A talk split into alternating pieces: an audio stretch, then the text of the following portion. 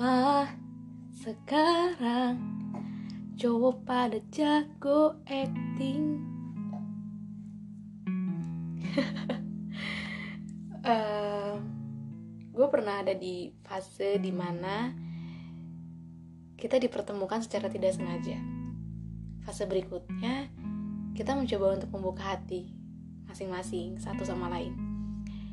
Di fase selanjutnya, akhirnya terbiasa untuk bersama, saling nyaman, merasa kita satu frekuensi, satu pemikiran, searah.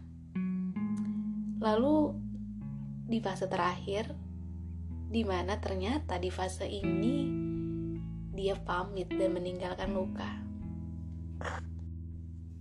Jika pada akhirnya kamu sebatas kisah yang memilih patah, lalu kenapa dulu bersedia bersama melawan resah?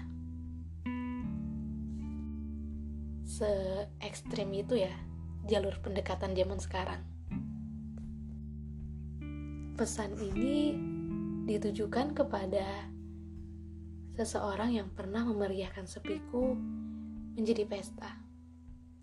Selamat. Anda berhasil membuat saya terpuruk. Tapi saya tetap happy. Jadi Anda kalah.